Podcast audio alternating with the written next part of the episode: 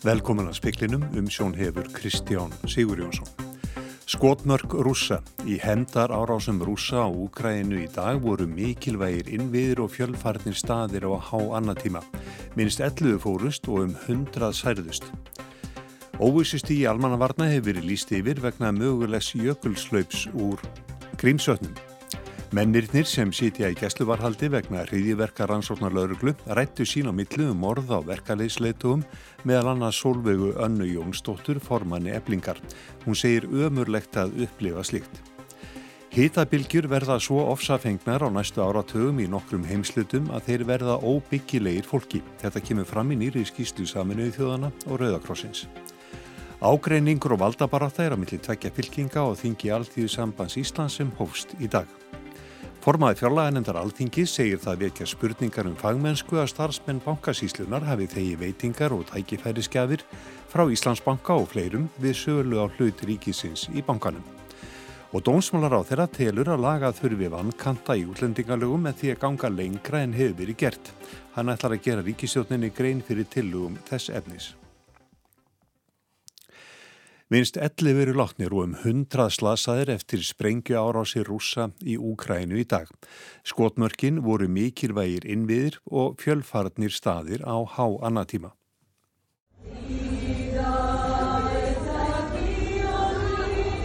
Úkrænsk þjóðlög ómuðu um neðangerðalesta stöði Kív í dag þar sem þúsundur leituðu skjóls vegna sprengju árasa rúsa sem örguðu djúbstæða breytingu í framgangi stríðsins í Úkrænu. Sprengjur fjallu í mörgum helstu borgum Úkrænu í dag og mikilvægir innviðir voru sprengtir. Árásutnar eru taldar vera hemdar aðgerðir eftir að brúin yfir Kers sund milli Krímskaga og Rúslands var sprengt um helgina.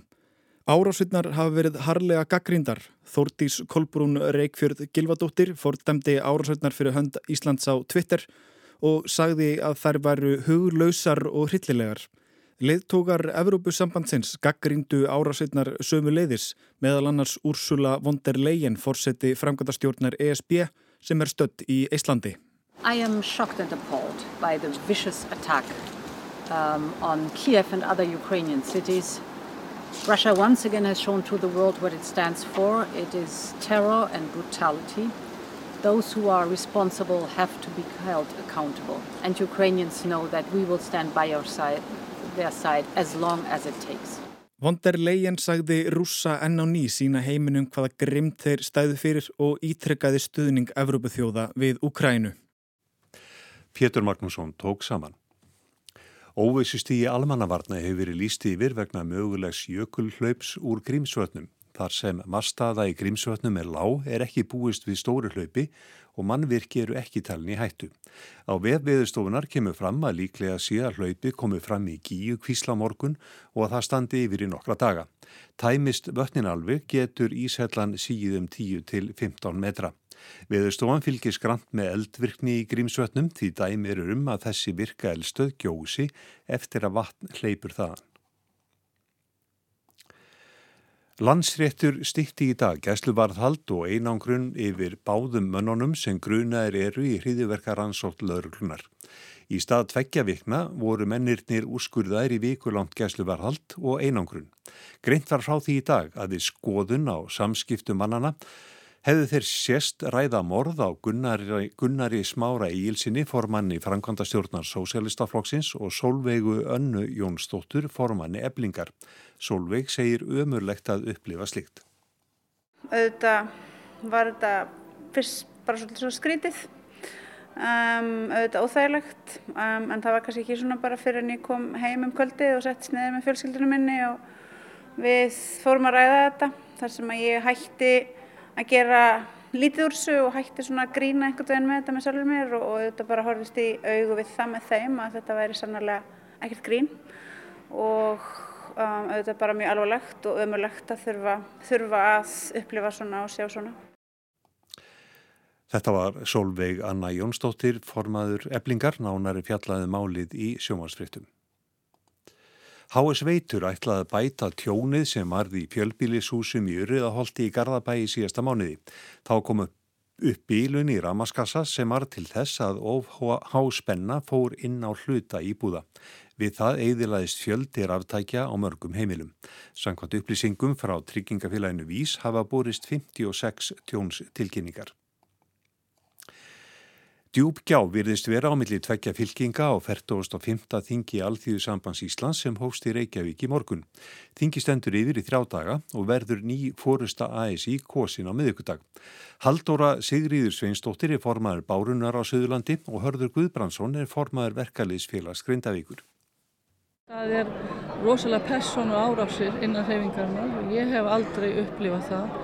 Ég hef aldrei upplifað þessu orðræðu sem er orðið í reyfingunni og þessi bara hálgerða heift sem er mjög erfitt að eiga við og faglegu umræða hefur nú aðeins svolítið vikið fyrir þessu að mínum átti. Múnandi verður skiptum fórustu í alltíðsambandinu, kemur ótök fórusta. Það er bara spurning hvað hinn er sætt að sé við, gamla æsi fórustan. Þetta voru þau Hörður Guðbrandsson og Haldóra Sigriður Sveinsdóttir. Nánar verið fjallaðum þing Alþýðu sambands Íslands síðar í speklinum. Bjarkei Olsen Gunnarsdóttir, formaði fjárlaganemndar alþingi, segir það vekja spurningar um fagmennsku. Að starfsmenn bankasíslunar hafi þegi veitinga og tækifæriskefir frá Íslandsbanka, verbreyfa fyrirtækjum og öðrum ráðgjöfum í tengslum við sölu á hluti ríkisins í bankanum. Fram kemur í minnisblæði bankasíslunar til fjárlega nefndar að starfsmenn stofnunarinnar hafi meðal annars tvísvar þegið kvöldverðarbóð upp á 20.000 króna. Og þetta vekur upp þessar spurningar um það hvort að menn séu faglegir í því sem þeir eru að gera þegar að svona ber undir og ég hefði minnstakosti og tel að það eigi að vera þannig að allir þeir sem eru í svona störfum eigi ekki að láta um, segja, bjóða sér uh, svona kvöldverðið eða aðra slíkt, það, annars slíkt, það vekur alltaf upp þessar spurningar um það uh, hvort eitthvað ankannlegt eigi sér stað. Er þetta í samræmiði við lög og reglur? Já, nú ætla ég ekki að fullurða um það, uh, en eins og ég segi bara enn og aftur, sko, mér finnst þetta ekki gott og mér finnst þetta vekja upp spurningar sem að kannski við þurfum einhvern veginn að fylgja eftir. Saði Bjarkei Olsen Gunnarsdóttir, hörskuldur Kári Skram talaði við hana. Jón Gunnarsson, dómsmálar á þeirra, tilur marga vannkanta á útlendingalögum og segir að ganga þurfi lengra við núverandi aðstæður. Þetta kom fram í svari á þeirra við fyrirspurn önnu Kolbrúnar Árnadóttur, þingmanns miðflokksins á alþingi í dag. Jón sagði að nú væri verið að misnota flóttamannakerfið og brjóta flóttamanna sáttmála saminuð þjóðana. Longar að fá að vita hvaða vannkantar það helst eru sem að ráðherra hefur vitnesku um þegar hann segir að það þurfi að sníða ákveðna vankanta á kerfinu eins og það er í dag. Og ég held að það sé kannski langmál að fara út í það en, en þetta liggur að tímafrestum, þetta liggur að því hvernig við tökum á móti fólki, hversu út í samfélagi fólk er komið, hvernig þetta snýra því að, að fólk sem er hér í með tilæfjölösar umsóknir, hvernig við sendum það tilbaka og hvernig er unnið að þeim málum. Þetta eru svona hinn augljósu atriði í mjög stuttum máli en þau eru fleiri og þau eru ávörpið í þessu lagafröðunarpi en mín skoðun er svo að ganga þurfi lengra í þeim efnum við núverandi aðstæður og ég mun gera ríkistjórninni grein fyrir tillögum í þá átt á næstunni. Saði Jón Gunnarsson í svari við fyrir spurn önnu Kolbrúnar Árnadóttur. FH sigraði leikni með fjóru mörgum gegn tveimur í neðri hluta bestu tildar Karla í fótbolta í dag. Þar með komst FH úr fallsæti dildarinnar og er tveimur stigum fyrir ofan leikni þegar þrjár umferðir eru eftir. Þá vann IPVF Keflavík með tveimur mörgum gegn einu nú síðdeis. Eigamenn eru nú sex stigum fyrir ofan fallsæti þegar þremur umferðum er ólokið.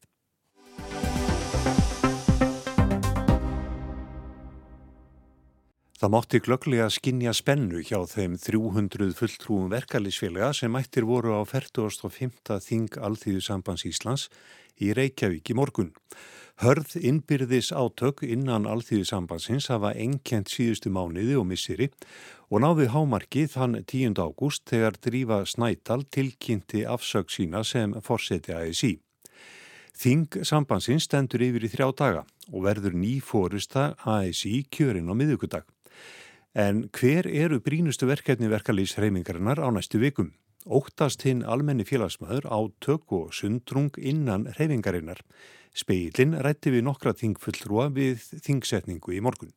Húsnæðismál, baráta gegn fátækt og svo bara að samina verkalýsreifinguna.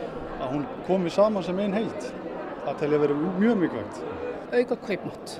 Að tryggja að við fáum betri kaupmátt. Það er ekki endilega að við fáum fleiri krónur, heldur að við fáum meira fyrir hverja krónu.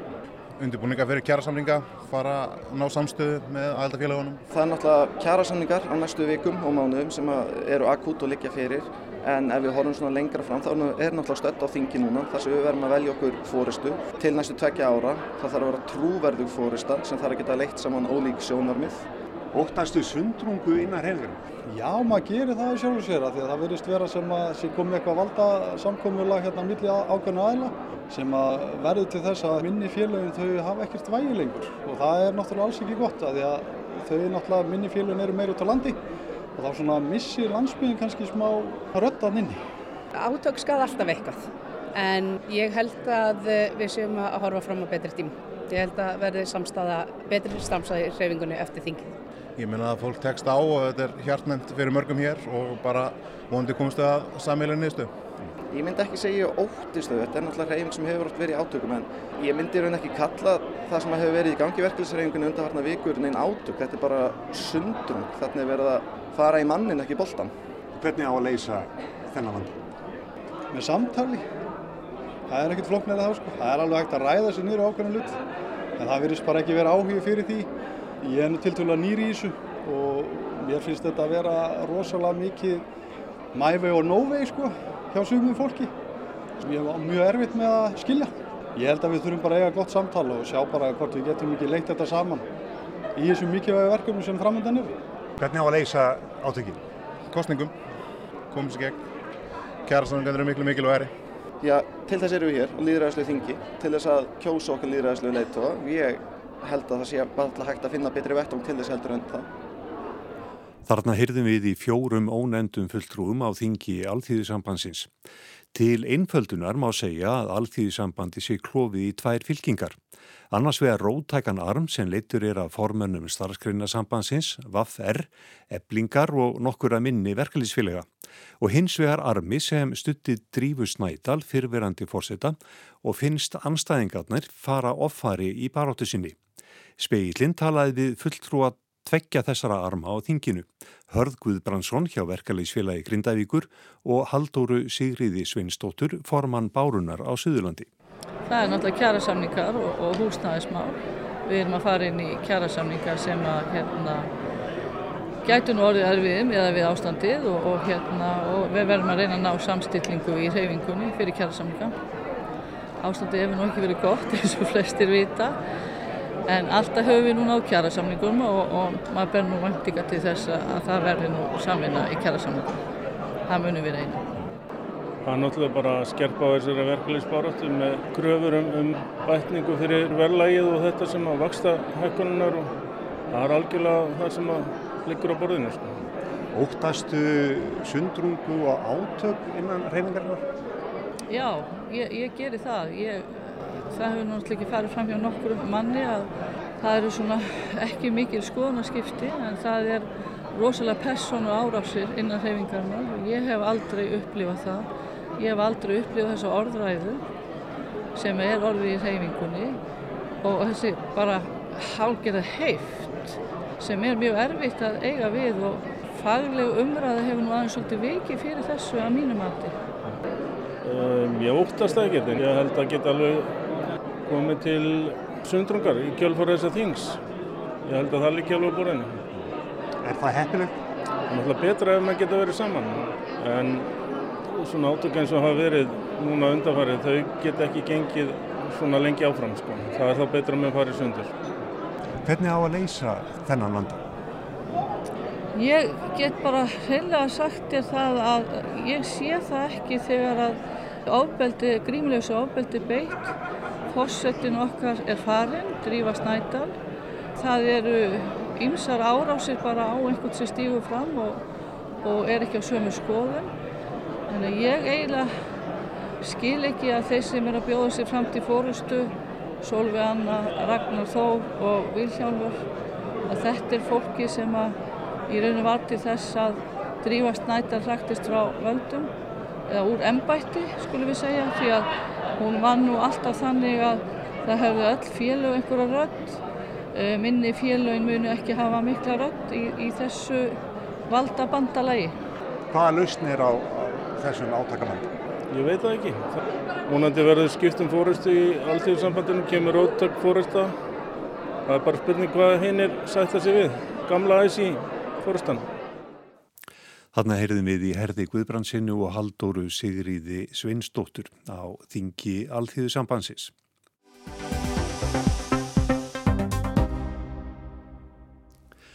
Hýtabilgjur verða svo ofsafengnar á næstu áratögum í nokkrum heimslautum að þeir verða óbyggilegir fólki. Grípa verður til enn harðari aðgerða en hinga til ef koma á í veg fyrir enn frekari hlínunjarðar af öldum gróðurhúsa Samareimingar skrifstofa aðgerða saminuðu þjóðana í mannúðarmálum og alþjóðaráð Rauðakrossins byrtu í dag sameinlega skýrslu um ástand og horfur í loftslagsmálum í aðdraganda loftslagsráðstefnu saminuðu þjóðana COP27 í næsta mánuði. Hún nefnist öfgari hittafari, undirbúningur fyrir hittabilgjur í framtíðinni.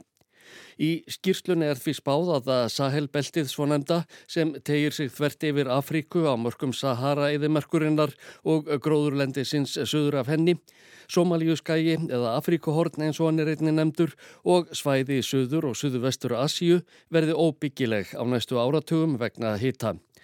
Ofsalegar hitabilgjur eigi eftir að valda íbúanum ómældum sársauka og dauða. Skýrsluhöfundar benda á alvarlegt ástand í Pakistan og Somalíu á þessu ári af völdum loftslagsbreytinga. Takmark séu fyrir því hver mikinn hita og raka mannenskan geti þólað. Í speklinum hefur verið fjallað um ástandið í Pakistan þar sem hellirikningar og bráðunum jökla í norðri hafa valdið gríðarlegum flóðum. Antonio Guterres, aðal framkvamdastjóri saminuðu þjóðana sagði þegar hann kannadi ástandið á dögunum að margar haurmungar hefðan séð um dagana en aldrei annað eins og flóðin í Pakistan. Þar væri flóðasvæðið þrefalt á við flatarmál föðurlands hans Portugals. Ekkert væri eðlilegt við náttúruhamfarir af þessu tægi. Ljóst væri að loftslagsbreytingar af mannavöldum yllu ástandinu í Pakistan og einni í Tjad og á Sómalíu skaga þar sem hungursneið vofði yfir vegna þurka. There is nothing natural about disasters of this scale. Climate change caused by human activity is supercharging storms and catastrophes in Pakistan, but also in Chad, the Horn of Africa with their terrible drought and the risk of famine and beyond.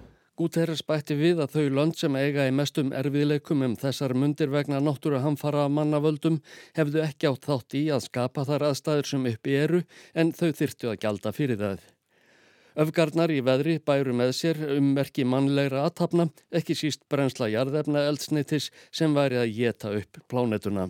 All these countries did not cause the problem, that they are paying the price. These extreme weather events have the fingerprints of human activity all over them, specifically the burning of fossil fuels eating our planet. Höfundar skýrslunar sem byrt var í dag taka undir með Antonio Guterres að þeirra mati eiga samanlögðu áhrif öldrunar, hita og þjættbílismyndunar eftir að stefna lífi í búa í þróunaríkjum í umtalsverða hættu á næstu áratugum. Landbúnaðarverkamenn, börn, aldraðir, þungaðar konur og konur með börn á brjósti verða í mestri hættu. Áætlu dánartíðni vegna mikill að hita og eftir að aukast umtalsvert þegar líður á öldina, segir í skýrslunni. Jafnvel má gera ráð fyrir að hún verði sveipuð og að völdum krabbameina og smittsjúkdóma. Martin Griffiths, framkvæmdastjóri mannúðarmála hjá saminuðu þjóðunum, sagði þegar skýrslan var kynnt í Genf í Sviss í dag að meðan þjóðir heims léttu eins og ekkert væri að tögavert við loftslagsbreytingar, heldu hitabilgjur áfram að versna og flóðað aukast og að þeir sem minnst megasín yrðu helst fyrir barðinu á veðrabreitingum. Hvergi verða áhrifin grimmilegri í Londonum þar sem fólk þjáist af hungri, fátakt og hernaðar átökum, sagði framkvæmdastjórin.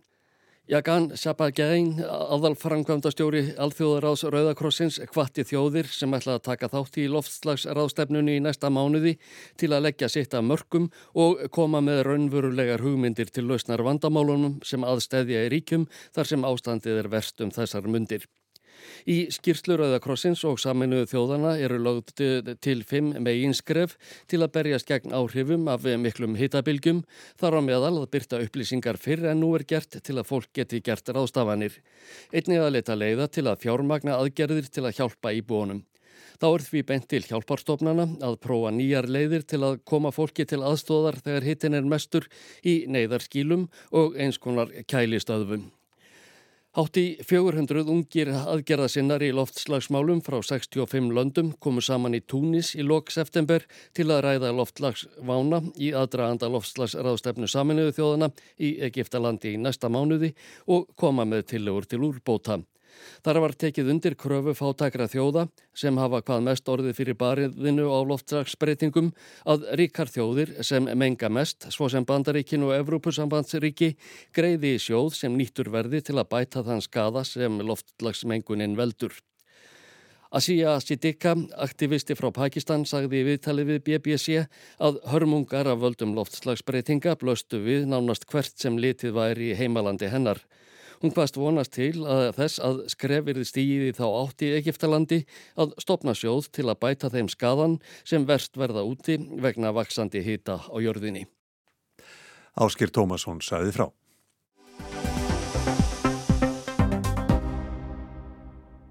Íslenskur vinnumarkaður er mjög kynskiptur og ekki eru öll störf lögða jöfnu.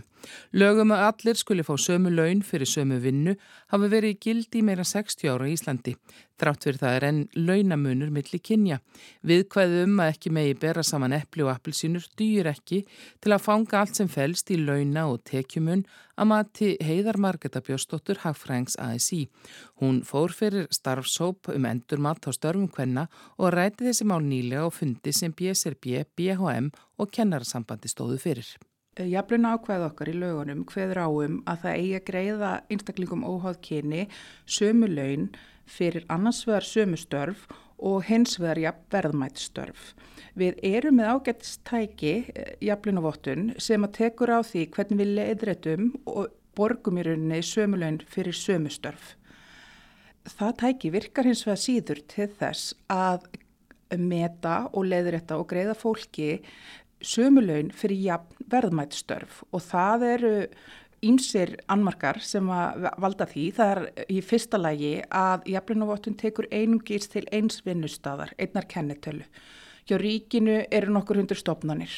Hver stopnun er bara skoðið sér, ekki þver, það er ekki skoðað stopnarnar þverft á ríkið eins og staðan er í dag og djórnandi á hverjum stað ákveður í reynd þau viðmið sem að notast er við og launin byggja á.